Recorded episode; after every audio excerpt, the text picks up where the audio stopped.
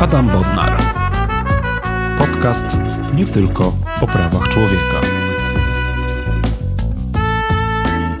Szanowni Państwo, e, drodzy słuchacze, drogie słuchaczki, e, to jest podcast nie tylko o prawach człowieka. E, rozmawiam z moimi gośćmi na różne tematy dotyczące przestrzegania praw człowieka, praworządności oraz zasad demokracji. Dzisiaj mam szczególny zaszczyt porozmawiać z redaktorem Bartoszem Wielińskim na temat jego najnowszej książki Wojna lekarzy Hitlera. Witam pana redaktora. Dzień dobry. Pan redaktor Bartosz Wieliński jest od lat związany z Gazetą Wyborczą. Pracował w dodatku e, śląskim do Gazety Wyborczej. E, przez wiele lat był korespondentem wyborczej w Berlinie, przeprowadzał wywiady z najwybitniejszymi e, politykami światowego formatu, w tym między innymi z Angelą Merkel. Jest także publicystą, z wykształcenia e, politologiem, laureatem nagrody Grand Press za reportaż pod tytułem Jesteś numer 71, który to reportaż opowiadał o horrorze, jaki w austriackich sierocińcach y, przeżywały dzieci odbierane samotnym matkom i biednym rodzinom. Napisał książkę pod tytułem Niemcy kilka lat temu, a w tym roku wydał książkę y, nakładem wydawnictwa y, Agora pod tytułem Wojna lekarzy Hitlera. Panie redaktorze, jeżeli mógłby pan powiedzieć w kilku słowach, o czym jest książka o tym właśnie tytule? Czy chodzi o wojnę pomiędzy lekarzami Hitlera, czy też być może chodzi o ich przeżywanie y, y, wojny i, tym, i, o tym, czym się zajmowali w czasie II wojny światowej. Chodzi o to i o to.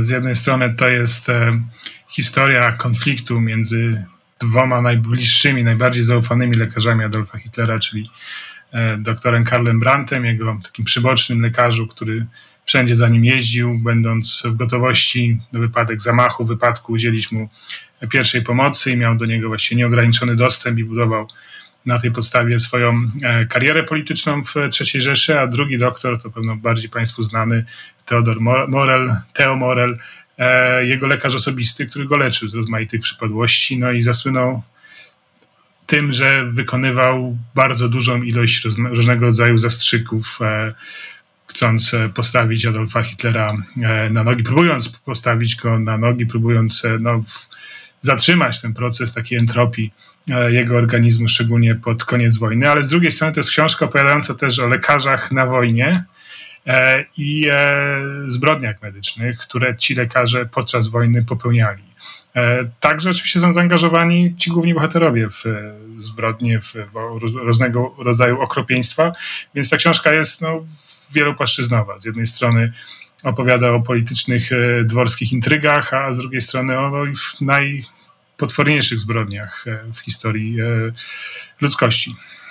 E, przyznam szczerze, że lektura książki e, nie jest łatwa, ponieważ e, jest ona osadzona bardzo głęboko w realiach historycznych, a jednocześnie dotyka niezwykle tragicznych wydarzeń, które tak naprawdę zbudowały naszą świadomość historyczną i tożsamość. Natomiast zastanawiając się nad naszą rozmową,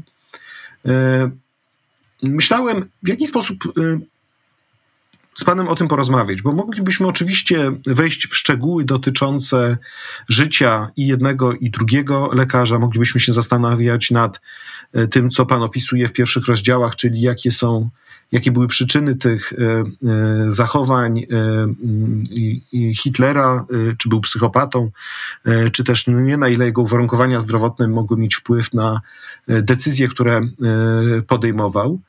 Natomiast przyszło mi do głowy taka koncepcja, aby mm, odnieść się do tej książki przez pryzmat e, praw e, człowieka. E, czyli żeby spojrzeć na te zagadnienia, które Pan porusza z punktu widzenia mm, regulacji konstytucyjnych, regulacji prawno-międzynarodowych dotyczących praw człowieka. Czy możemy spróbować podjąć taki wysiłek, panie redaktorze? Bardzo ciekawe zadanie, więc Zaczyna, zaczynajmy. Wyobraźmy sobie zatem, że jesteśmy, że pan się pojawia na, mm, nie na lekcji historii, ale na lekcji wiedzy o społeczeństwie. I ma pan przed sobą ambitnego nauczyciela wiedzy o społeczeństwie, który mówi tak: No, napisał pan książkę, panie redaktorze, ale może spróbujmy o niej porozmawiać, e, sięgając do mm, różnych instrumentów z zakresu ochrony praw człowieka. No bo przecież skoro mamy konstytucję, e, skoro została przyjęta powszechna deklaracja praw człowieka, skoro Niemcy przyjęły zaraz po wojnie Grundgesetz, czyli ustawę zasadniczą, no to jednak to wszystko opierało się i wynikało z jakichś konkretnych doświadczeń e, historycznych. E, bo nawet jeżeli spojrzymy do preambuły do naszej konstytucji, to preambuła mówi o tym, że powinniśmy być wdzięczni naszym przodkom za ich pracę, za walkę o niepodległość okupioną ogromnymi ofiarami.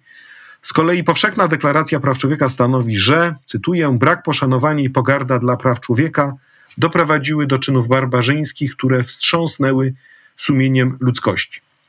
No i zacznijmy od tego. Gdyby pan miał tak powiedzieć tym właśnie licealistom siedzącym w ławkach na wiedzę o społeczeństwie, mm, co pana zdaniem, co z lektury państw pana książki wyciąg- można byłoby uznać jako największe barbarzyństwo, które doprowadziło do powstania koncepcji praw człowieka, to o czym by pan przede wszystkim powiedział? W takim pierwszym odruchu, w pierwszej pana myśli. W pierwszej myśli powiedziałem, że ustawy norymberskie z e, sierpnia 1935 roku, ale myślę sobie, że trzeba dojść jeszcze troszkę głębiej, ponieważ 1 stycznia 1934 roku weszła e, w życie w III Rzeszy ustawa o zapobieganiu e, potomstwa obciążonego dziedzicznie. I to była E, ustawa się kwintesencja myśli eugenicznej e, została wprowadzona w życie w e, ówczesnych Niemczech i na jej mocy państwo dostało prawo decydować, kto z obywateli ma prawo się rozmnażać, a kto nie. Kto może mieć dzieci, a kto powinien być z mocy prawa pozbawiony prawa do posiadania potomstwa. Co więcej, nie tylko zakazem, ale poprzez zabieg chirurgiczny podwiązania jajowodów, podwiązania nasieniowodów, uczyniony bezpłodnym. E, I w Niemczech na mocy tej ustawy powstała sieć sądów e, zajmujących się właśnie problematyką e, obciążeń dziedzicznych i te sądy wydawały wyroki na podstawie dokumentacji medycznej, czy dany obywatel nie powinien zostać, czy powinien zostać właśnie wysterylizowany w związku z jego obciążeniami i możliwością, że jego dzieci także będą obciążone różnego rodzaju schorzeniami. E, Niemcy wtedy, czy Niemcy nauka wtedy, jeśli chodzi o kwestię dziedziczenia, no, zaczynała badać ten problem. Nie znano, wiedziano o genetyce tego, co wiemy dzisiaj, że termin genetyka wtedy był e, jeszcze nieznany. Zauważono, że pewne schorzenia się faktycznie przenoszą z pokolenia na pokolenie. E, katalog schorzeń, którym przypisano cechy dziedziczne był bardzo szeroki. W końcu nawet alkoholizm uznano za, za dziedziczny, nie mówiąc już o całym szeregu zaburzeń e, psychicznych, który także e, traktowano właśnie jako, jako dziedziczny. I e, wówczas, na przykład się miało ojca czy matkę, która na przykład zapadła na schizofrenię, to były duże szanse, że zostanie się e, wysterylizowanym na mocy e, sądu, na mocy decyzji sądu. E, czyli państwo podjęło po prostu decyzję barbarzyńską, brutalną, no, w dzisiejszej perspektywie zupełnie zaakceptowania, że po prostu okaleczać swoich obywateli e, i nie dopuszczać ich do rozrodu. Była to decyzja zbrodnicza nie tylko dlatego, że ludzie byli okaleczani, ale że ludzie też umierali, ponieważ e, parędziesiąt tysięcy osób w wyniku właśnie komplikacji po zabiegach, a one dotknęły no, dosyć szeroką grupę, no po prostu umierało. To były czasy jeszcze przed wynalezieniem antybiotyków, więc po zabiegach dochodziło do infekcji. E, cóż, no, w czasach przed wynalezieniem penicyliny, no, czasami nacięcie na skórze małe, e, średnio głębokie już mogło być przyczyną zgonu, jeżeli zostało niestety za, e, zakażone. I ileś dziesiąt ludzi, ileś dziesiąt tysięcy ludzi zmarło właśnie z powodu tego typu decyzji. W roku 1935 wprowadzone zostały ustawy norymberskie. To dopełnia tego obrazu to jest rok 35, czyli w sytuacji, kiedy jeszcze, e, no tak, no, świat podnosi się z wielkiego kryzysu. E, w Polsce Gdynia zaczyna już wyglądać jak, jak, jak, jak miasto, nikt nie, nie myśli o wojnie. E, ostatnie właśnie blizny po I wojnie światowej się zabliźniają, a w Niemczech w, w życie wchodzi ustawa, która wyklucza Żydów ze społeczeństwa. Czyli tutaj wchodzimy już w ten, wchodzimy, w, można powiedzieć, w inny artykuł Powszechnej Deklaracji Praw Człowieka, ponieważ e, Powszechna Deklaracja i też nasza konstytucja oczywiście e, mówi bardzo wyraźnie, że nie można nikogo dyskryminować i każda osoba jest uprawniona do korzystania ze wszystkich praw i wolności ogłoszonej w powszechnej deklaracji, bez jakiejkolwiek różnicy, zwłaszcza ze względu na rasę, kolor skóry, płeć, język, religię, poglądy polityczne lub jakiekolwiek inne, pochodzenie narodowe lub społeczne, majątek, urodzenie lub jakąkolwiek inną sytuację. Czyli można powiedzieć, to, to brzmienie deklaracji przyjęte w 1948 roku, w zasadzie gdyby napisać powszechną deklarację już w 1936 roku, to równie dobrze ten przepis brzmiałby e, dość e, podobnie, bo, e, bo nie musielibyśmy czekać na te wszystkie horrory II wojny światowej, gdyż już wtedy poprzez ustawy norymberskie i też praktyki takie codzienne Trzecia Rzesza pokazywała, na czym ta zinstytucjonalizowana dyskryminacja może polegać. Czy tak można by to rozumieć? Tak można to rozumieć, tylko pamiętajmy oczywiście o tym, że Adolf Hitler wtedy miał całą masę ludzi, którzy wyznawali go poza granicami Niemiec i Mein Kampf było tłumaczone także na język polski e, i znalazło tutaj spory oddźwięk i było, byli ludzie, co wiemy, tak, wszystkie żądania getta ławkowego dla Żydów w latach 30. E, ta nasza e, skrajna prawica chciała zrobić wtedy dokładnie to samo z Żydami, co Adolf Hitler, czy też wykluczyć ich z życia społecznego. Wtedy jeszcze nie mówimy o Holokauście, wtedy nie mówimy jeszcze o gettach, o, o mordach. Na razie jest pozbawianie e, obywatela pochodzenia żydowskiego praw przysługujących obywatelowi. Żydom nie wolno było nie tylko e, sprawować funkcji publicznych, e, być e, naukowcami, pracować na uniwersytetach, w gazetach, wydawać książki, ale nie wolno było nad nim posiadać telefonu, nie wolno było im posiadać zwierząt domowych, nie wolno było im wchodzić do parków. Czyli po prostu e, dzisiaj będzie już szalone, szalenie perfidne e, sposoby właściwie upodlenia Żydów e, przewidziano właśnie na mocy ustawy o ochronie niemieckiej czci i, i krwi, tak zwanych ustaw e, norymberskich. I oczywiście cel był, myślę, że bardzo w cudzysłowie utylitarny, ponieważ chodziło o to głównie, żeby Żydów zmusić do emigracji z Niemiec, żeby oni zostawili swoje majątki, ponieważ Żydom można było jeden emigrant pochodzenia żydowskiego mógł wywieźć z Niemiec chyba równowartość, nie wiem, 10 czy 6 Reichsmarek, czyli praktycznie nic. Wszystko musiał zostawić w kraju. I, no i ludzie poddani takim szykanom po prostu trzecią Rzeszę e, opuszczali, kiedy jeszcze można było ją opuścić kiedy można, gdzie jeszcze było wyjechać. Pamiętajmy też, że nie wszyscy chcieli e, uciekinierów żydowskich e, z Niemiec przyjmować. E, kwestia imigracji do Palestyny, kwestia imigracji do USA to nie było tak jak dzisiaj w strefie Schengen, że można było sobie po prostu pojechać i się przenieść z całą, z całą rodziną. Ale, ale poziom właśnie dyskryminacji był, był koszmarny i okazało się, że jest to tylko preludium do, do dalszego koszmaru. Ale to są moim zdaniem te dwa akty prawne. Są, tak, otworzyły brota piekieł. Tak bym to trochę obrazowo określił. A jednocześnie e, to, co z pana książki można przeczytać, to to, że jeżeli się było tym szlachetnym Żydem, to można było być oszczędzonym przez władzę, prawda? Edel Jude, tak? Czyli władza wtedy mówiła, ok, ty jesteś nasz i tak jak to czytałem, to trochę miałem takie myśli trochę z naszych współczesnych czasów, że wprawdzie dyskryminujemy, ale jak kogoś znamy, no to mówimy, nie, nie, my przecież nie jesteśmy tacy źli, bo przecież my znamy taką parę gejowską, która przecież nie, nie mamy nic do nich, ale tak ogólnie jesteśmy przeciwko. No, to był akurat jeden niedoskonały przypadek tego Edeljudet. Chodzi o doktora Blocha, pierwszego lekarza Adolfa Hitlera, kiedy Adolf Hitler był małym chłopcem jeszcze e, i chyba całkiem się jakoś tam zapowiadał e, w Lincu w Austrii. E, no to chodzi do lekarza Eduarda Blocha, żydowskiego lekarza w centrum miasta. Nawet pojechałem sobie zobaczyć e, budynek tej praktyki lekarskiej, w którym on przyjmował Hitlera, do dzisiaj stoi. Akurat jest tam już tylko kancelaria prawna, więc tradycja nie jest, nie jest kontynuowana. E, I e, Bloch leczył też matkę Hitlera, Klarę Hitler, kiedy ona zapadła na e, raka piersi i w bardzo już późnym, zaawansowanym stadium zdecydowała się przyjść do lekarza, szukać pomocy. No Bloch robił co mógł, żeby ją uratować, niestety nie udało się, ale Hitler był mu bardzo, bardzo wdzięczny za to, że przyjeżdżał do nich, nie nie, nie, nie brał dużo pieniędzy za porady lekarskie, starał się tą jedną kobietę no, jakoś przedłużyć jej życie. I więc ta historia właśnie związana z matką, którą Hitler ubóstwiał, no, uratowała życie e, Eduardowi Blochowi, bo jemu pozwolono wyjechać do Stanów Zjednoczonych e, w 1941 e, roku wziąć nie 6 marek, a 12 marek, więc to też taki był dodatkowy dowód łaskawości Hitlera.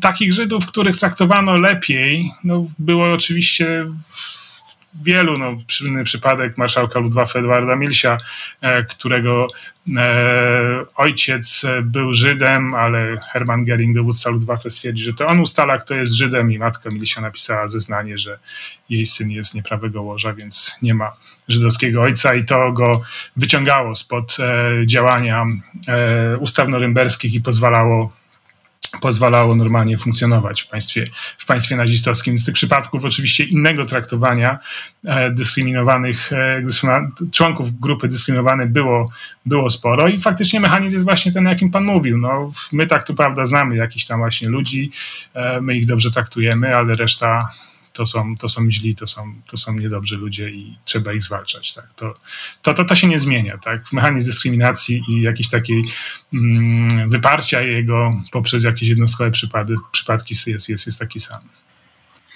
Y, Inna gwarancja konstytucyjna, e, którą znajdziemy i e, w powszechnej deklaracji praw człowieka, i w, w naszej konstytucji, e, to jest prawna ochrona życia. Tak? Konstytucja w artykule 38 mówi wyraźnie, że Rzeczpospolita Polska chroni zapewnia prawną ochronę życia. I oczywiście, no, zastanawiając się nad tą i będąc na tej wyimaginowanej lekcji, tłumacząc licealistom, e, co to e, oznacza, to jakby pan odpowiedział na takie pytanie, no właśnie, po co w Konstytucji jest taki przepis konstytucyjny, że e, dane państwo chroni życie? Czemu ten zapis służy i w jaki sposób był łamany w przeszłości, właśnie w tych czasach, skoro potrzeba takich szczegółowych regulacji na ten temat?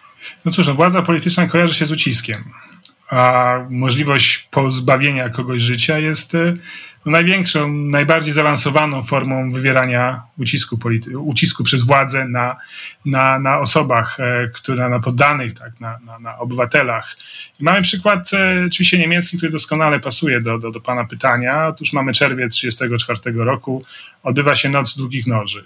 E, dziesiątki przeciwników Hitlera, nie tylko z dowództwa SA, czy tej bojówki oddziałów szturmowych e, z, e, z Ernestem Rymem na czele, ale także jego wrogów z kręgów konserwatywnych zostaje po prostu zamordowanych przez gestapo bez sądu, bez niczego część e, zostaje e, aresztowana i zamordowana w więzieniach czy, czy w salach przesłuchań, część po prostu na progu domu, jak na przykład były kanclerz Kurt e, Schleicher, czyli kanclerz przed, przed Hitlerem. No mamy rodzaj jakiejś po prostu czystki tak, przeprowadzonej na polecenie Hitlera, ale rok 34 to jeszcze Niemcy są państwem prawa. Tak? Tam jest, obowiązują dekrety, ustawy, Faktem jest, że jest stan wyjątkowy wprowadzony jeszcze e, w styczniu 1937 roku po odpaleniu Reichstagu, ale ciągle potrzebne jest jakieś uzasadnienie prawne do tego. No i cóż się dzieje? Otóż orzeka się, że Hitler jako przywódca kraju, jako osoba e, stojąca na jego czele jest najwyższym sędzią.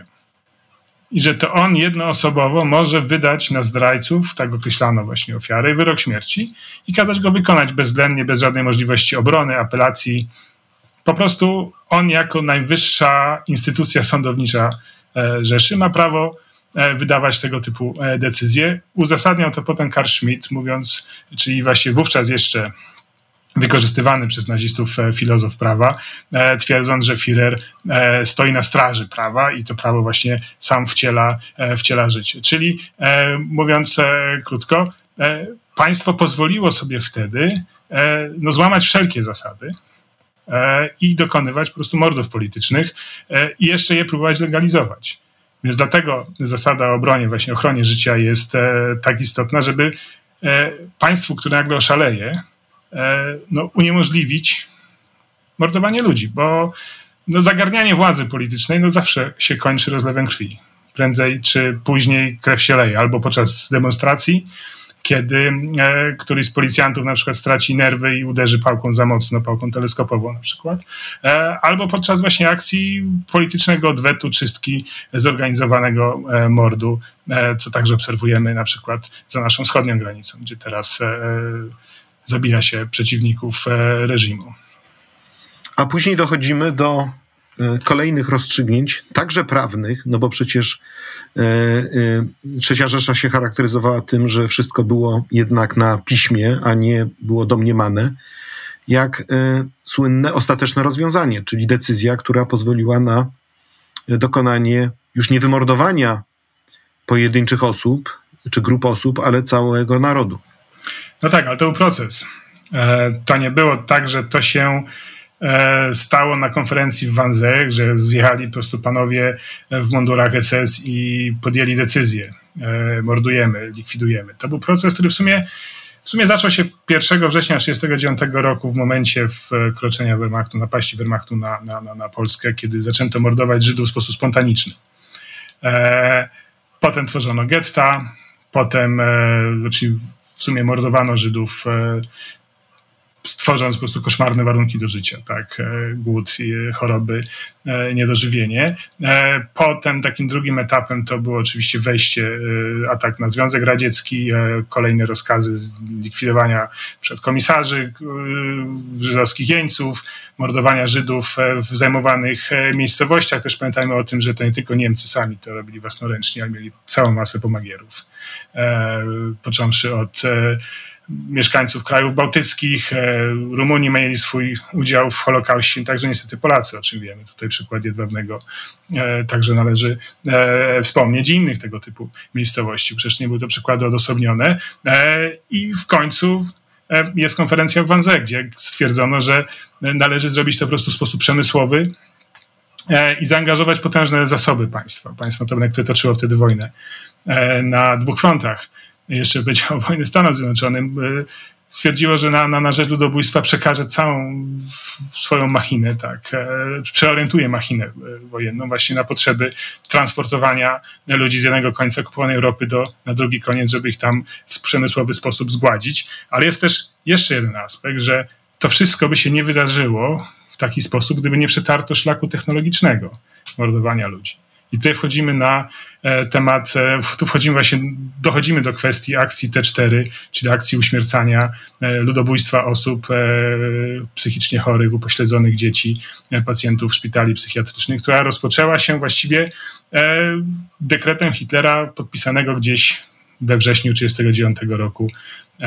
Także mamy, jest papier, przetrwał dokument, w którym Hitler zezwala na udzielanie łaski śmierci, tak to jest sformułowane osobom, których się nie da e, wyleczyć, osobom nieuleczalnie chorym, chorym psychicznie i rusza cały system e, mordowania i e, kamuflowania zbrodni.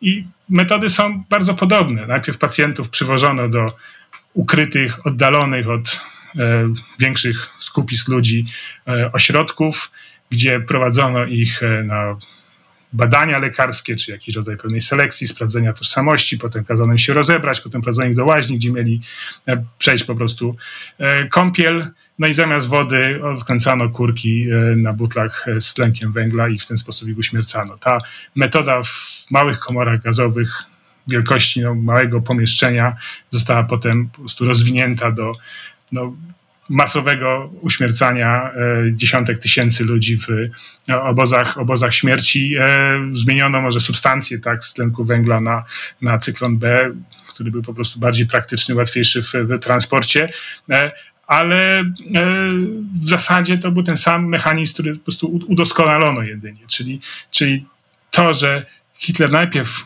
zaczął mordować swoich obywateli, Niemców, tak, nieuleczalnie chorych, a potem ci sami ludzie notabene, którzy pracowali przy programie T4, zostali przerzuceni do Bełżca, do Sobiboru, do, do, do Auschwitz i robili to e, właśnie, właśnie na Żydach.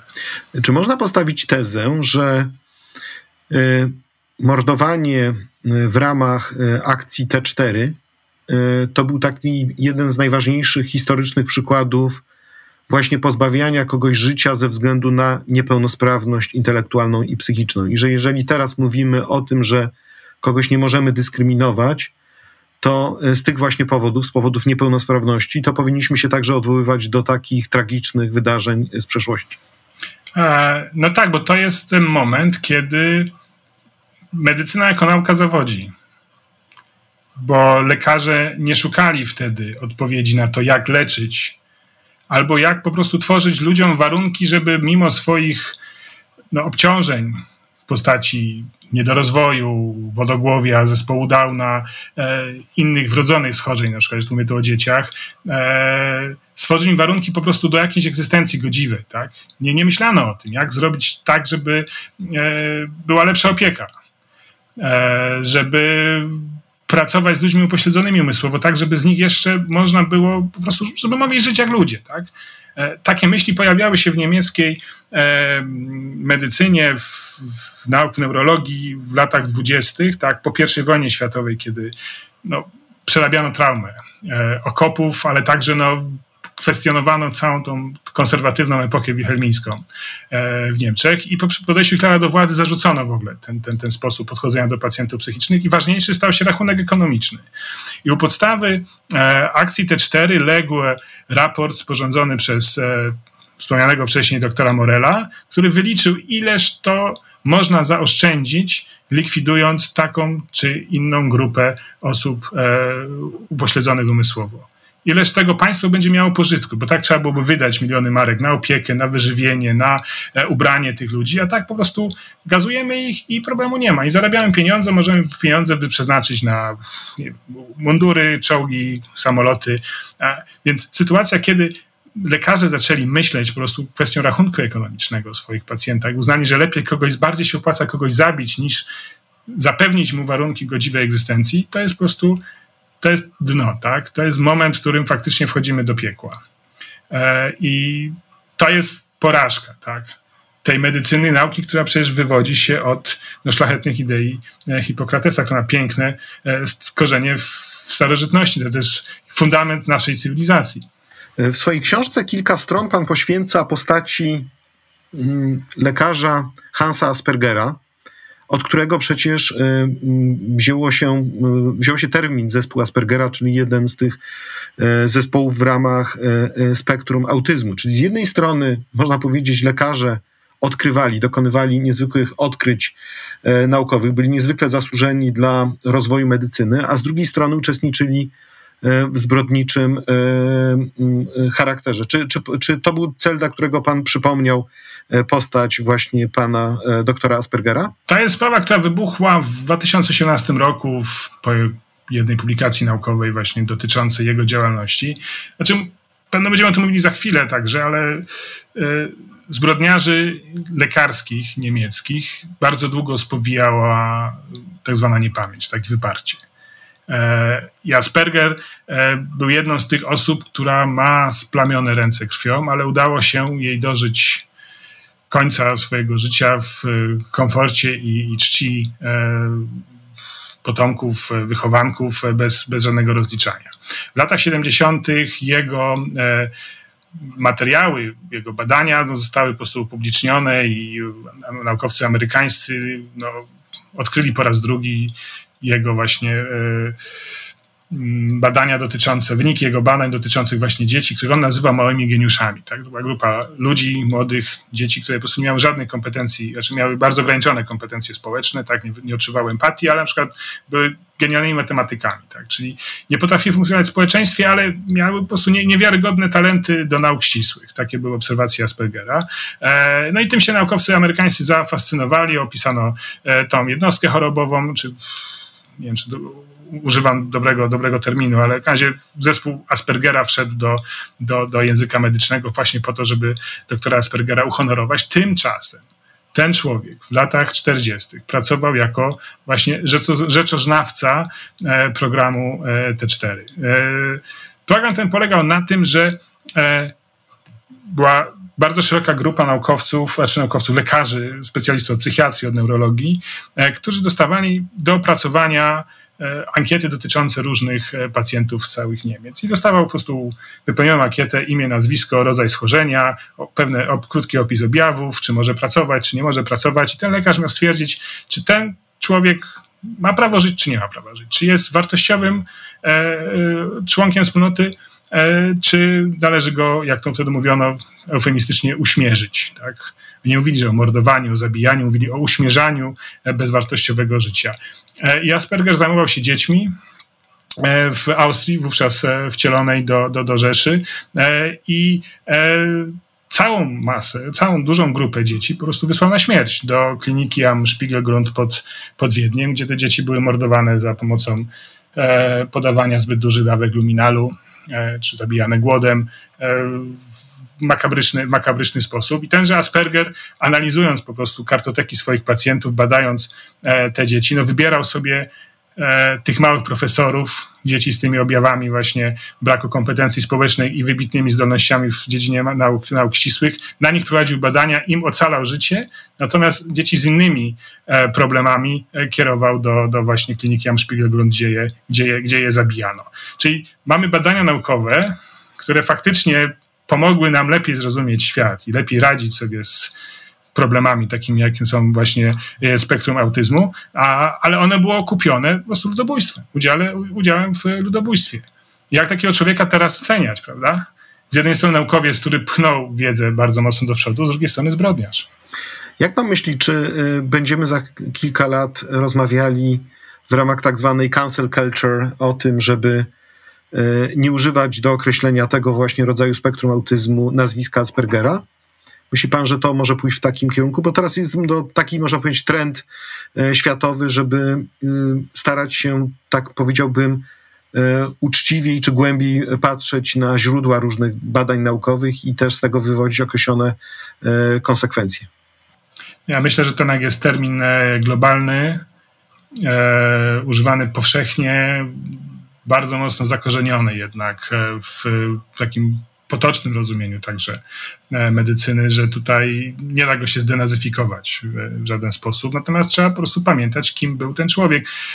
To jest e, sprawa, która ma wiele aspektów. No, spójrzmy amerykański program kosmiczny. Werner von Braun wysłał człowieka na e, Księżyc, twórca rakiety Saturn V. Ten sam człowiek robił rakiety V2, której bombardowano Londyn. Przy produkcji rakiet V2 w obozie Dora Mittelbau więźniowie tegoż obozu po prostu ginęli jak muchy, tak, spali na, na podłodze w sztolni e, podziemnej, ponieważ ten obóz był, fabryka była schowana po prostu w sztolni, żeby alianci jej nie mogli zbombardować. I człowiek, który miał na sumieniu no, tysiące ludzi, pośrednio, bezpośrednio, notabene członek SS jeszcze do tego dodajmy, e, był honorowany przez amerykańskich prezydentów i jest e, dzisiaj bohaterem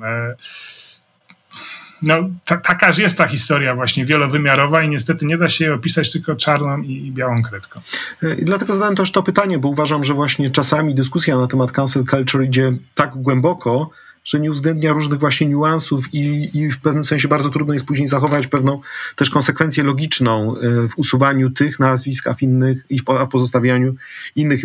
I myślę, że że być może, ja, ja bym się zgodził z panem redaktorem, żeby właśnie uznać, że no, termin się przyjął, E, wiele osób być może nie kojarzy nawet skąd się ten termin wziął, ale po prostu być może e, powinniśmy najzwyczajniej w świecie przy tej okazji e, odrabiać taką lekcję historii, przypomnieć, przypominać to, co pan w swojej książce przypomina. Ale teraz może przejdźmy do kolejnego postanowienia Konstytucji, a mianowicie Konstytucja ma taki bardzo twardy zakaz tortur nieludzkiego i poniżającego traktowania oraz karania. To jest taki E, to jest to postanowienie, którym ja się też bardzo e, często zajmuję w mojej pracy e, zawodowej, które jest odzwierciedlone we wszystkich możliwych umowach międzynarodowych dotyczących praw człowieka.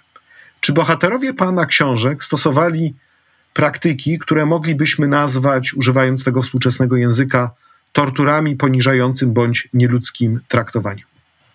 No bez wątpienia. Bez wątpienia sam e, zacznę od akcji T4, tak? E, samo skierowanie ludzi do komory gazowej no jest, jest pewnym aktem poniżającym, tak? E, ludobójczym oczywiście, ale no, sam ten proces e, jest, jest czymś, co urąga ludzkiej, ludzkiej godności, mimo że oczywiście oni przekonywali, że to mordowanie ma sposób, ma, ma, ma formę humanitarną, jest bezbolesne i Tenek Węgla zresztą testowano wielokrotnie przed rozpoczęciem tej akcji oni twierdzili, że wszystko jest, jest w porządku w swoich w sumie zwichrowanych e, umysłach. E, obozy koncentracyjne, no tutaj kwestia jest, jest, jest jasna, tak. E, obóz koncentracyjny bazował na tym, że więzień jest poniżany. Nawet jeżeli nie był obóz śmierci, tak, jeżeli to był obóz po prostu, w którym ludzi tylko terroryzowano, tak, zamykano, odcinano od, od świata zewnętrznego, to podstawą fundamentem tak, tegoż, tegoż miejsca e, było, było poniżenie, obdarcie człowieka z godności, obdarcie człowieka z tożsamości własnej, przecież nie mieli numery, nie mieli imion ani, ani, ani nazwisk i, i nieustanne tortury fizyczne i, i psychiczne. I taka w sumie była istota całego państwa niemieckiego w tamtym okresie, które stosowało przemoc, obdzierało ludzi z jakiejkolwiek godności na terenach okupowanych i także dotyczyło to oczywiście własnych obywateli, bo musimy też pamiętać o tym, że Niemcy E, w pewnym sensie byli również ofiarami e, III Rzeszy. Tak? To, to nie było tak, że Niemcy nie ginęli z rąk e, Niemców, tak? że, że reżim hitlerowski nie mordował swoich ludzi. Owszem, mordował. Akcja T4 jest tego przykładem. Działalność sądów w Trybunałów Ludowych jest także tego przykładem. Zresztą pytanie, czy, czy szafowanie życiem żołnierskim tak, podczas e, różnego rodzaju operacji wojskowych, także nie było ludobójstwem wobec własnego narodu, kiedy ci żołnierze przecież e, również ginęli na, na, na frontach za, za, za Führera, a no, rozkazy były ewidentnie ludobójcze, tak? czyli prowadzono ludobój- żołnierze prowadzili ludobójstwo i sami padali ofiarą e, tegoż. Tak. A za to odpowiedzialność ponosi kierownictwo państwa. A klasyczne tortury, czyli wymuszanie zeznań e, za pomocą e, stosowania przemocy fizycznej i psychicznej. Czy na przykład lekarze opisywani w Pana książce byli wykorzystywani do tego, żeby na przykład, tak jak chociażby to się działo w kontekście Guantanamo, prawda, że przygotowywali programy przesłuchań, wykorzystując swoją, swoją, wiedzę, swoją wiedzę medyczną i doprowadzając ludzi do no, skrajnego mm, załamania, obezwładnienia po to tylko, aby e, złożyli określone zeznania. Nie, nie. Tutaj w, myślę, że w, zeznaniami zajmowało się gestapo i tam lekarzy E, generalnie były Gestapo lub inne służby bezpieczeństwa podległe Heinrichowi Himmlerowi i tam e, stosowano czystą przemoc, tak, czyli nie było żadnych e, metod psychologicznych, analizy, analizy ludzkiej wytrzymałości, próbowania łamania ludzkiej psychiki przez właśnie odpowiednie podejście, zastosowanie odpowiednich bodźców. Tym się, tym się lekarze niemieccy nie, nie zajmowali, ale z drugiej strony mamy przykład doprowadzenia ludzi no, na granicę śmierci, tak, dla celów naukowych. I tutaj mamy no w sumie to jest tortura, tak? Bo jeżeli wkłada się człowieka, e, więźnia obozu koncentracyjnego, do basenu z lodem i doprowadza go się do hipotermii, i to jest stan, który trwa kilkanaście, kilkadziesiąt minut, tak? Człowiek siedzi, nie mogąc się ruszyć w basenie wypełnionym lodem, powoli spada jego temperatura, jest podłączony do czujników mierzących jego tętno, pracę, e, temperaturę ciała, puls. E, to, to on jest poddawany tortur, to, to, torturą, jest traktowany jako królik doświadczalny, ale jest człowiekiem oczywiście i jest poddawany po prostu nieludzko traktowany i nieludzko uśmiercany. Amerykanie, którzy potem dotarli do tych zapisków e, naukowych e, z tych eksperymentów, no, twierdzili, że jest to po prostu e, makabryczny mm, dowód popełnienia morderstwa.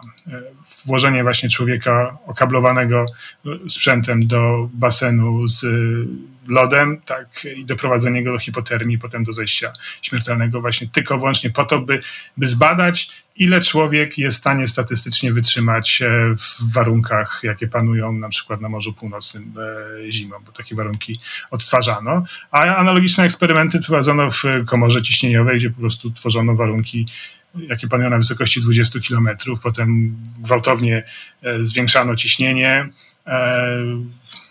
później prowadzono sekcję takiego więźnia, którego poddawano tam eksperymentom, jeszcze czasami biło jego serce, e, kiedy mu otwierano mózgoczaszkę, więc e, tego typu po prostu bestialstwo no, należy także traktować jako torturę. Absolutnie tak, nie mam co do tego wątpliwości. I w ten sposób też dochodzimy do kolejnego postanowienia, które zresztą, co ciekawe, znajduje się w naszej konstytucji między prawną ochroną życia, a właśnie zakazem tortur, a mianowicie w artykule 39 Konstytucji znajdziemy postanowienie, które brzmi: Nikt nie może być poddany eksperymentom naukowym, w tym medycznym, bez dobrowolnie wyrażonej e, e, zgody. E, można by powiedzieć, że ten przepis konstytucyjny jest także efektem przemyśleń po tym wszystkim, co się stało, między innymi w czasie II wojny światowej, ale także później. A jakie jeszcze inne eksperymenty medyczne były wykonywane właśnie bez tej dobrowolnie wyrażonej zgody? Zaczęło się w sumie, można powiedzieć, w perspektywie tego, co działo się później, niewinnie, więc eksperymenty medyczne, znaczy eksperymenty na więźniach prowadzono najpierw w dziedzinie e, obuwnictwa. Nie wiem, czy używam dobrego słowa. Więc e, w obozie w Sachsenhausen więźniom znaczy stworzono oddział więźniów, stworzono bieżnie z, różnymi, z różnym rodzajem podłoża, twardym, szutrowym, piaskiem.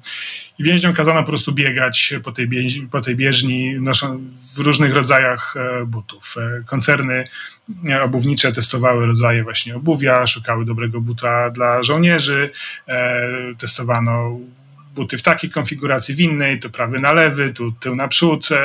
No, w niewiarygodny sposób po prostu próbowano jak powinien but wyglądać, jaki but się zużywa. Więźniowie oczywiście mieli do tego odmrożenia, e, bardzo źle gojące się otarcia na, na, na, na, e, na stopach, potem podawano im amfetaminę, żeby na przykład ich zmusić do biegania 40 godzin na okrągło e, w różnych warunkach pogodowych, więc także były zejścia śmiertelne oczywiście tym eksperymentom towarzyszono, to towarzyszyły.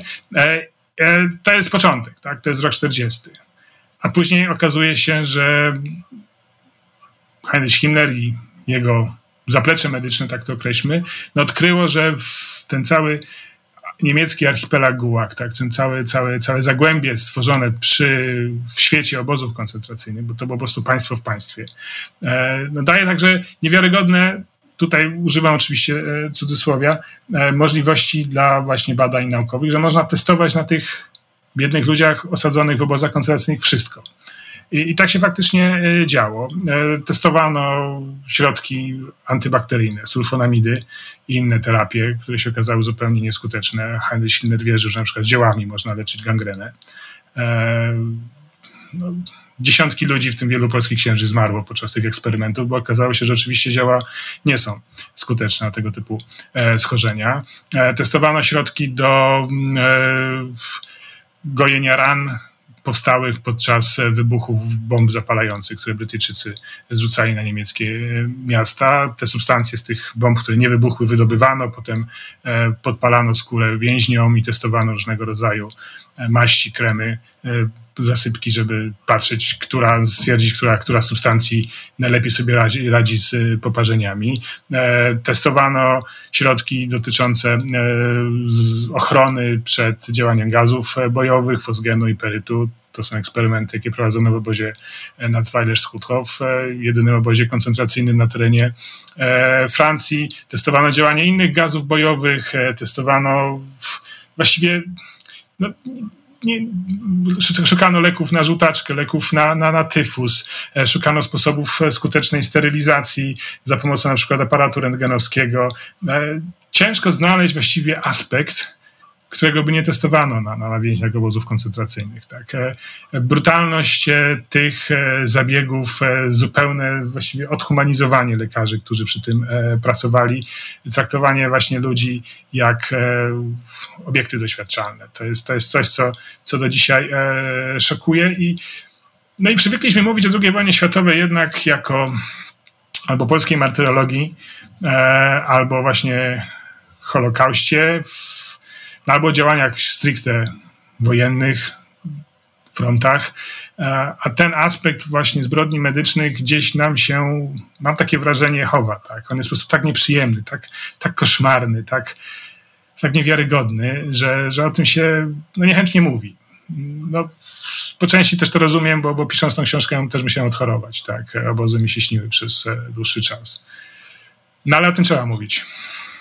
A czy to jest może mm, efektem tego, że nie przerobiliśmy e, odpowiedzialności lekarzy za te wszystkie zbrodnie, które e, popełnili? Ponieważ e, nawet jak spojrzymy na prawników, którzy uczestniczyli w tym reżimie nazistowskim, to mm, są nawet na ten temat filmy, książki. Zajmuje się tym między innymi Ferdynand von Schirach, ale także wielu innych e, autorów, które pokazują, że ten proces odpowiedzialności dopiero zaczął się w latach 60., że w zasadzie między tym 45 e,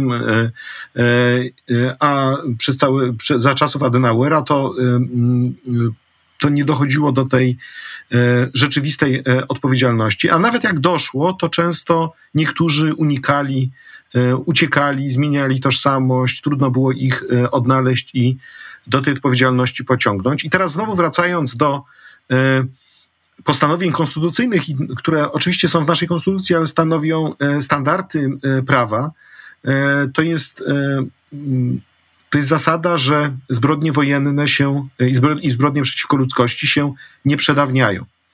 Jak pan ocenia ten proces dochodzenia do odpowiedzialności lekarzy za zbrodnie, które popełnili w czasie II wojny światowej, ale także przed rozpoczęciem II wojny światowej? E, no to jest porażka.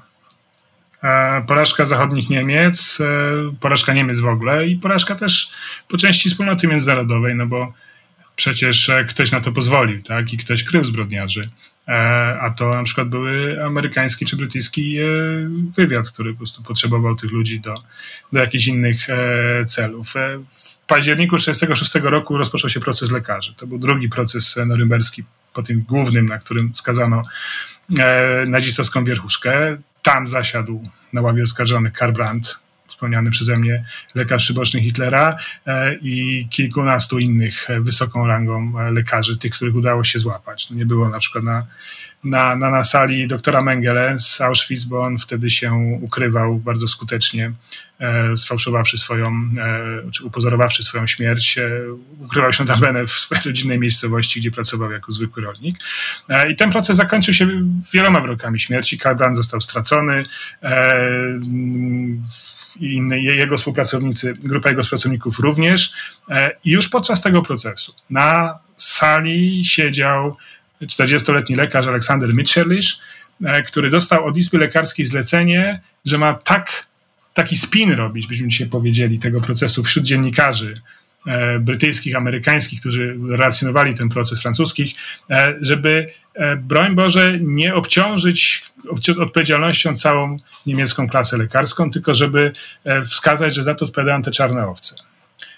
Ten Brandt, ten Gebhardt, ten Gravi, Gravi nie żył wtedy, ale Gebhardt, e, Brugowski, Herta Oberhauser, ale, ale absolutnie nie wszyscy lekarze, to są te czarne owce i to jest ta sama śpiewka, jaką na przykład mamy przy zbrodniach e, wojennych, że to nie Wehrmacht, tylko SS mordowało, tak? To gestapo, ta, ta, ta, ta czarna sotnia, ale nie e, niemiecka policja, która zajmowała się tylko, tylko e, porządkiem. To jacyś tam zwyrodnialcy, a nie, a nie zwykli ludzie. I trzeba przyznać, że tak jak e, w przypadku e, prawników, e, wielu wojskowych, dziennikarzy, oficerów e, służb e, specjalnych, no także po całej masie lekarzy udało się właśnie wyjść z tego zupełnie na czysto. Co więcej, ludzie, którzy pracowali przy akcji T4 w późniejszym okresie, i nie otarli się obozy koncentracyjne, tylko mordowali pacjentów w szpitalach, jak na przykład doktor Elizabeth Hecker, która mordowała dzieci w Lublińcu na Górnym Śląsku, no to ona zrobiła potem karierę, uznano ją za matkę współczesnej e, psychiatrii młodzieżowej. I w latach 70. dopiero prokuratura w Dortmundzie tam dokopała się czegoś, zaczęła, wszczęła śledztwo przeciwko niej, ale śledztwo umorzono, no bo przecież nie było żadnych dowodów, bo przecież była żelazna kurtyna, przecież to się wszystko działo e, w Polsce, nie ma współpracy prawnej między, między dwoma krajami, to już było dawno, nikt tego nie pamięta sprawa została po prostu zamieciona pod dywan. I tak się działo w wielu przypadkach. Ja jeszcze pamiętam w 2006 roku, kiedy byłem korespondentem e, w Berlinie, to pisałem tekst o jednym z lekarzy, który dostał nagrodę e, Izby Lekarskiej. I się okazało, że on miał właśnie również taki epizod jak dr Asperger w swojej karierze, więc e, ta amnezja niemieckiego środowiska lekarskiego była bardzo głęboka. Ale jest przypadek, który mnie szczególnie bulwersuje. To jest kwestia preparatów medycznych wykonanych właśnie z ofiar akcji T4. Zajmował się tym profesor Hallerforden, taki bardzo ceniony e, neuropatolog e, z Buch pod Berlinem, który pracował w bardzo renomowanej wtedy placówce Instytucie Cesarza Wilhelma, badającym właśnie e, mózg choroby układu nerwowego i on sobie po prostu wybierał w szpitalach psychiatrycznych dziecięcych dzieci z ciekawymi, interesującymi go objawami i te dzieci potem wysyłano do komory gazowej w Brandenburgu nad Hawelą, 40 km od Berlina, tam je gazowano, a on na miejscu na stole sekcyjnym wyciągał z ich czaszek mózgi i przewoził do swojego laboratorium, gdzie robił z nich preparaty. I te preparaty przetrwały dekady, dwa pokolenia niemieckich naukowców E, pisało doktoraty dzięki, dzięki tym właśnie szkiełkom z wycinkami mózgów e, ofiar akcji T4 i trzeba właśnie było siłą, używając naprawdę niezwykle ostrych prawnych argumentów, wyrywać te e, preparaty od, z magazynu następcy prawnego Instytutu Cesarza Wilhelma, żeby po prostu je pochować, tak? bo przecież to są szczątki ofiar e, III Rzeszy. Naukowcy nie chcieli tego, tego, tego oddać, bo to były po prostu genialnie, doskonale robione, bardzo rzadkie, unikalne e, materiały, dla nich e, naukowe bardzo, bardzo cenne, więc e, piekło, które ciągle nie zamknięto tego piekła, tak. I jak rozumiem, cały czas się jeszcze y, znajdują osoby, które można pociągnąć do odpowiedzialności prawnej. Nawet jeżeli te osoby mają te 85-90 lat, to jeszcze cały czas zasadniczo y, tego typu sprawy i procesy się y, odbywają. Może nie lekarzy, ale innych osób, strażników w obozach na przykład. Tak bo wspominał pan, że w polskiej konstytucji pisze o nieprzedawnianiu e, zbrodni wojennych. W niemieckiej konstytucji jest to jeszcze dalej posunięte. Niemcy uznali, że morderstwo, jakiekolwiek morderstwo się nie przedawnia. I na tej podstawie Niemcy ścigają, w tej chwili na przykład jest sprawa bardzo głośna e, telefonistki chyba ze Stutthoffu e, i pracownicy kancelarii obozowej, kobiety pracowały w obozie koncentracyjnym, nie miały żadnego wpływu na to, kto będzie żył, kto nie będzie żył. I toczyłem rozmowę w tej sprawie z e, prokuratorem Jensem Rymlem, który kieruje, kierował wtedy, jeszcze dwa lata temu, taką instytucją, nazywa się to Centrala e, mm, do spraw ścigania zbrodni narodowo-socjalistycznych ma siedzibę w Ludwigsburgu. To jest taka instytucja powołana przez niemieckie landy po to, żeby, żeby ścigać zbrodniarzy nazistowskich. Przez dłuższy czas swojego istnienia, powołana ma w latach 50. do działania, właściwie nic nie robiła, ponieważ blokowano wszelkie śledztwa w tej sprawie, ale e, Później już jej praca się, się rozkręcała, to ona na przykład ściągnęła Johna Demianiuka do, do, do Niemiec na proces. E, no i pytałem go, dlaczego tej starowince 90-paroletniej, która gdzieś tam w swoim życiu miała epizod e, w Karlstuthof, no teraz zatruwają życie, koniec jej życia. No i on stwierdzi, że przecież ta kobieta brała udział w procesie e, ludobójczym, ponieważ ona łączyła rozmowy na przykład komendanta z Berlinem, kiedy zatwierdzano e, listy ludzi do, do, do zamordowania, tak? Czy ona wypełniała wypełniała e, kwity dotyczące zamówień cyklonu B. W Sztuthofie także używano przecież tego gazu do ludobójstwa, e, więc jakiś udział w mordowaniu miała. Na początku, w latach 60., ściganie morderców nazistowskich było bardzo trudne, ponieważ prokurator musiał udowodnić oskarżonemu zamordowanie konkretnej osoby w konkretnych okolicznościach i czasami, znaczy czasami, bardzo często obrona, jeżeli dochodziło już do skarżenia, to była w stanie po prostu e, obalić argumenty pokazują, że świadkowie są niewiarygodni, bo na przykład nie pamiętali, jaka była w tego dnia e, pogoda, e, jak był ubrany sprawca. No po prostu w krzyżowym ogniu pytań e, ofiara 20 lat później nie była w stanie pewne rzeczy przypomnieć i kończyło to się uniewinnieniem. Później e, proces Demianika w 2010 roku spowodował zmianę zupełną podejścia niemieckiego wymiaru sprawiedliwości. Przyjęto, że jeżeli ktoś służył na dowolnym stanowisku w obozie e, śmierci, to na podstawie tutaj analiz e, niemieckich historyków musiał być zaangażowany w proces ludobójstwa. Czyli można go oskarżyć nie o morderstwo, ale o współudział w morderstwie.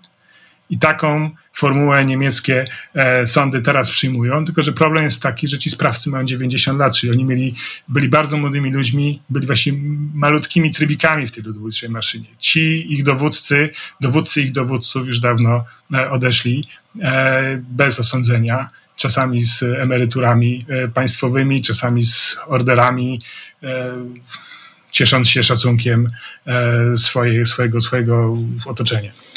Chciałbym jeszcze wrócić do e, lekarzy, e, ponieważ e, znowu sięgnijmy do naszej konstytucji.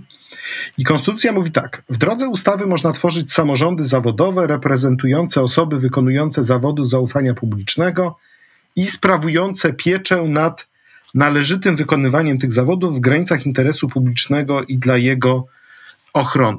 I teraz, mm, oczywiście, mm, pan wykazuje w książce, że duża część lekarzy była zaangażowana w proces e, eksperymentów medycznych, tortur, poniżającego i nieludzkiego traktowania, e, wspierała trzecią Rzeszę w realizowaniu swoich e, celów politycznych. Były różne motywacje, mm, które kierowały tymi lekarzami. Tutaj na przykładzie pana Karla Branda i Teo Morela pan pokazuje, jak różne mogły to być motywacje, jak różne mogły być ich postawy. Niemniej jednak każdy z nich się przyczyniał do realizacji tych właśnie okropnych, wstrząsających celów. Natomiast z drugiej strony, historia przynosi też przykład bohaterów lekarzy, jak na przykład Wilhelm Turschmidt, który został opisany w takiej książce niedawno, e, w dwóch książkach w zasadzie. Jest taka książka Ucieczka z Auschwitz, druga książka Cień Lucyfera. Ten Cień Lucyfera to jest taka saga rodzinna napisana przez Stefana Turschmida. I teraz, jakbyśmy mieli kształcić przyszłych lekarzy i uczyć ich zasad deontologii, to powinniśmy uczyć ich poprzez przykłady negatywne czy poprzez przykłady pozytywne? No ja myślę, że przykład pozytywny to jest, to jest, to jest wyjątek naprawdę szalenie rzadki w tej sytuacji. E, I to Właśnie cofnę się znowu do ustaw norymberskich. Na mocy ustaw norymberskich Żydów wykluczono także ze środowiska medycznego. Żydzi mogli leczyć co najwyżej żydowskich pacjentów. Nie wolno było im leczyć już Aryjczyków. Usuwano ich z uniwersytetów medycznych, ze stanowisk e, ordynatora czy dyrektora szpitali. E, czystka, tak? Taką, jaką możemy sobie dzisiaj wyobrazić w pewnych instytucjach e, naszego, naszego państwa. Po prostu miotła i, i się stanowiska. I niemieckie środowisko lekarskie nie protestowało przeciwko temu. ono bardzo się cieszyło bo wreszcie zwalniała się droga awansu, bo wreszcie lekarz, który no, był trochę mniej e, zdolny, zaradny, oczytany jak jego żydowski kolega, mógł wreszcie wejść na, na, na, na, na, wyższy, na, na wyższy szczebel, który właśnie zajmował e, kolega o, żydowskich e, korzeniach. Można było zostać szybciej ordynatorem, można było szybciej awansować i to było coś, co się ludziom w III Rzeszy bardzo podobało i pamiętajmy, że to czystka nie dotyczyła tylko, tylko świata medycznego, ale całego świata. E, no, medycznego, e, całego świata naukowego, kulturalnego, tak. E, skutki oczywiście były czasem opłakane. No, sam Hitler potem zabronił e, przysyłania dzieł e, muzycznych skomponowanych ku jego czci, ponieważ nowi e, muzycy z zaciągu właśnie po tej czystce, no niestety nie mieli talentu muzycznego zbyt e, szczególnego, ale to taka uwaga zupełnie e, na marginesie. Więc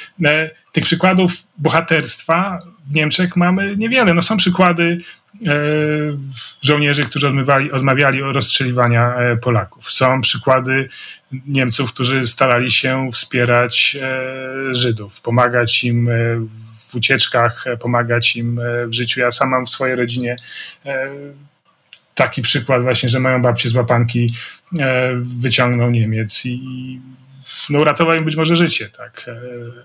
No, ale, ale to, to niczym nie świadczy, tak, że były dobre przykłady, że ktoś zachował się jak, jak, jak człowiek, skoro przeważająca część e, tej kadry albo była obojętna, albo e, pracowała na rzecz e, tego zbrodniczego systemu. No, Trzecia Rzesza była państwem totalitarnym. Tak? To, ta totalitarność także przejęła się przez to, że całe społeczeństwo wdrażało w życie tą, tą, tą ideologię, albo przynajmniej była wobec niego obojętna, tak, czy przyzwalała na, na, na nią. Więc ja e, upierałbym się jednak, żeby pokazywać negatywne przykłady, tak, żeby e, Karl Brandt był jednak takim postrachem tak, dla młodych ludzi, do czego może doprowadzić po pierwsze e, implikacja e, zdolnego lekarza w, w politykę, tak, e, wejście w, w świat w którym właśnie się nie powinien lekarz obracać, tak? czyli świat e, intryg i w świat, można awansować e, zbyt szybko na, w sposób nieetyczny, tak,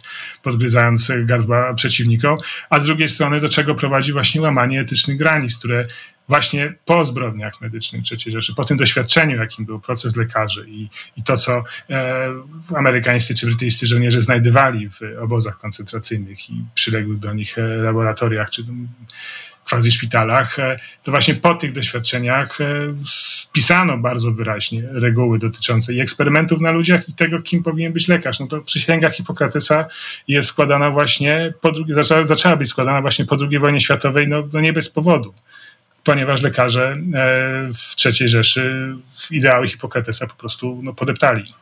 A czy myślał pan, żeby wysłać swoją książkę wszystkich uczelni medycznych w Polsce z takim zachęceniem, żeby po prostu zorganizować prelekcję, dyskusję na temat tez, faktów wyrażonych w tej książce. No, książka jeszcze jest świeża, jeszcze, jeszcze o tym nie myślałem, ale to jest, to jest ciekawy, ciekawy pomysł. Znaczy, jeżeli by e, uczelnie medyczne chciały porozmawiać, to ja jestem jak najbardziej do dyspozycji. Więc, więc bardzo chętnie podyskutuję także z lekarzami na ten temat. Nie wiem, czy słuchają mm, e, tego podcastu rektorzy czy profesorowie uczelni, e, ale ze statystyk wiem, że raczej mnie słucha bardziej młodzież i e, młodsze pokolenie. Na pewno myślę, że koła naukowe powinny się książką zainteresować, do czego bardzo serdecznie zachęcam. I na sam koniec mam takie pytanie dotyczące najbardziej fundamentalnego przepisu Konstytucji, I żałuję, że nasza konstytucja się od niego nie zaczyna, ale akurat się zaczyna od niego e, Powszechna Deklaracja Praw Człowieka oraz Ustawa Zasadnicza Niemiec e, i nasz artykuł 30 Konstytucji, czyli ochrona godności człowieka. Godność człowieka jako wartość sama w sobie, ale także jako źródło praw i wolności, godność jako wartość przyrodzona i niezbywalna. Gdyby pan został poproszony o podanie jednego przykładu, bardzo konkretnego, który pokazuje, że godność człowieka uległa absolutnemu pogwałceniu w czasach e, III Rzeszy, to jaki przykład pan by użył? Sobie myślę takim, opisuję taką historię e, chłopca, który no, należał do społeczności Jeniszów. E, jego nazwisko to Losa i on został zesłany właśnie do ośrodka dla trudnej młodzieży, gdzie tą młodzież, trudne dzieci, nie do wychowania, tak ich określano, gdzie po prostu pacjentów zabijano za pomocą głodu lub, lub luminalu. I ten chłopiec próbował walczyć z systemem. A ten mały właśnie chłopczyk próbował oszukać pielęgniarki, które szprycowały dzieci właśnie zastrzykami, które podawały im luminal, które, które je głodziły. Oszukiwał dyrektora tego szpitala, załatwiał jedzenie, e, potrafił po prostu, znalazł jakieś luki w tym systemie, potrafił w nich e, e, jakoś się poruszać, tak, żeby swoim małym przyjaciołom no jakoś pomóc przetrwać. No i został zdemaskowany i został zamordowany zastrzykiem morfiny. Po prostu przedawkowano morfinę i, i e, po to, żeby go właśnie zabić. E, doszło później do zatrzymania e, oddychania. E, chłopak został e, zamordowany. I to, co się z nim stało, tak? Znaczy jego postawa, żeby tą godność, mimo w tych, tych koszmarnych warunkach szpitala e, psychiatrycznego, w którym mordowano dzieci uznane za, za bezwartościowe lub nie do wychowania, bo też pamiętajmy o tym, że to nie chodziło tylko o dzieci, które miały zdiagnozowane choroby psychiczne, tylko sieroty, które sprawiały problemy wychowawcze z różnych powodów. E, I on próbował swoim kolegom kole tą godność odzyskać, tak? I został w sposób po prostu maksymalnie brutalny godności pozbawiony. Co gorsza, człowiek, który zadecydował o jego losie, nie został w żaden sposób rozliczony po, po, po wojnie. Doktor Valentin Falthäuser, cóż, no, dożył spokojnie swojego, swojego czasu i, i nie, nie, nie spędził e, ani dnia w celi, z tego, z, tego, z, tego, z tego co pamiętam. Ta historia przerażająca, została opisana, a została sfilmowana. E, pokazuje właśnie bunt jednostki, która chce odzyskać zabraną godność, tak? I, i zostaje w zbrodniczy sposób tej godności pozbawiony. Wzruszająca historia, powiem szczerze. E, I warta, warta, warta, warta głębszej analizy, więc e, opisałem ją także właśnie w, w książce i no, warto nad nią się pochylić, zastanowić. Nawet właśnie, na, nawet dzieci potrafiły stawiać opór temu, temu, temu, temu szaleństwu, tak, temu, e, temu pieku. Panie redaktorze, y, chciałbym panu bardzo serdecznie podziękować za przywracanie godności wszystkim ofiarom, wszystkim pacjentom, wszystkim osobom represjonowanym, wszystkim osobom, które zginęły z rąk nazistów i ich lekarzy. Drodzy Państwo, moim gościem był, był pan redaktor Bartosz Wieliński, autor książki Wojna lekarzy Hitlera wydawnictwo Agora, Warszawa 2021. Serdecznie dziękuję za spotkanie. Dziękuję bardzo. Adam Bodnar. Podcast nie tylko o prawach człowieka.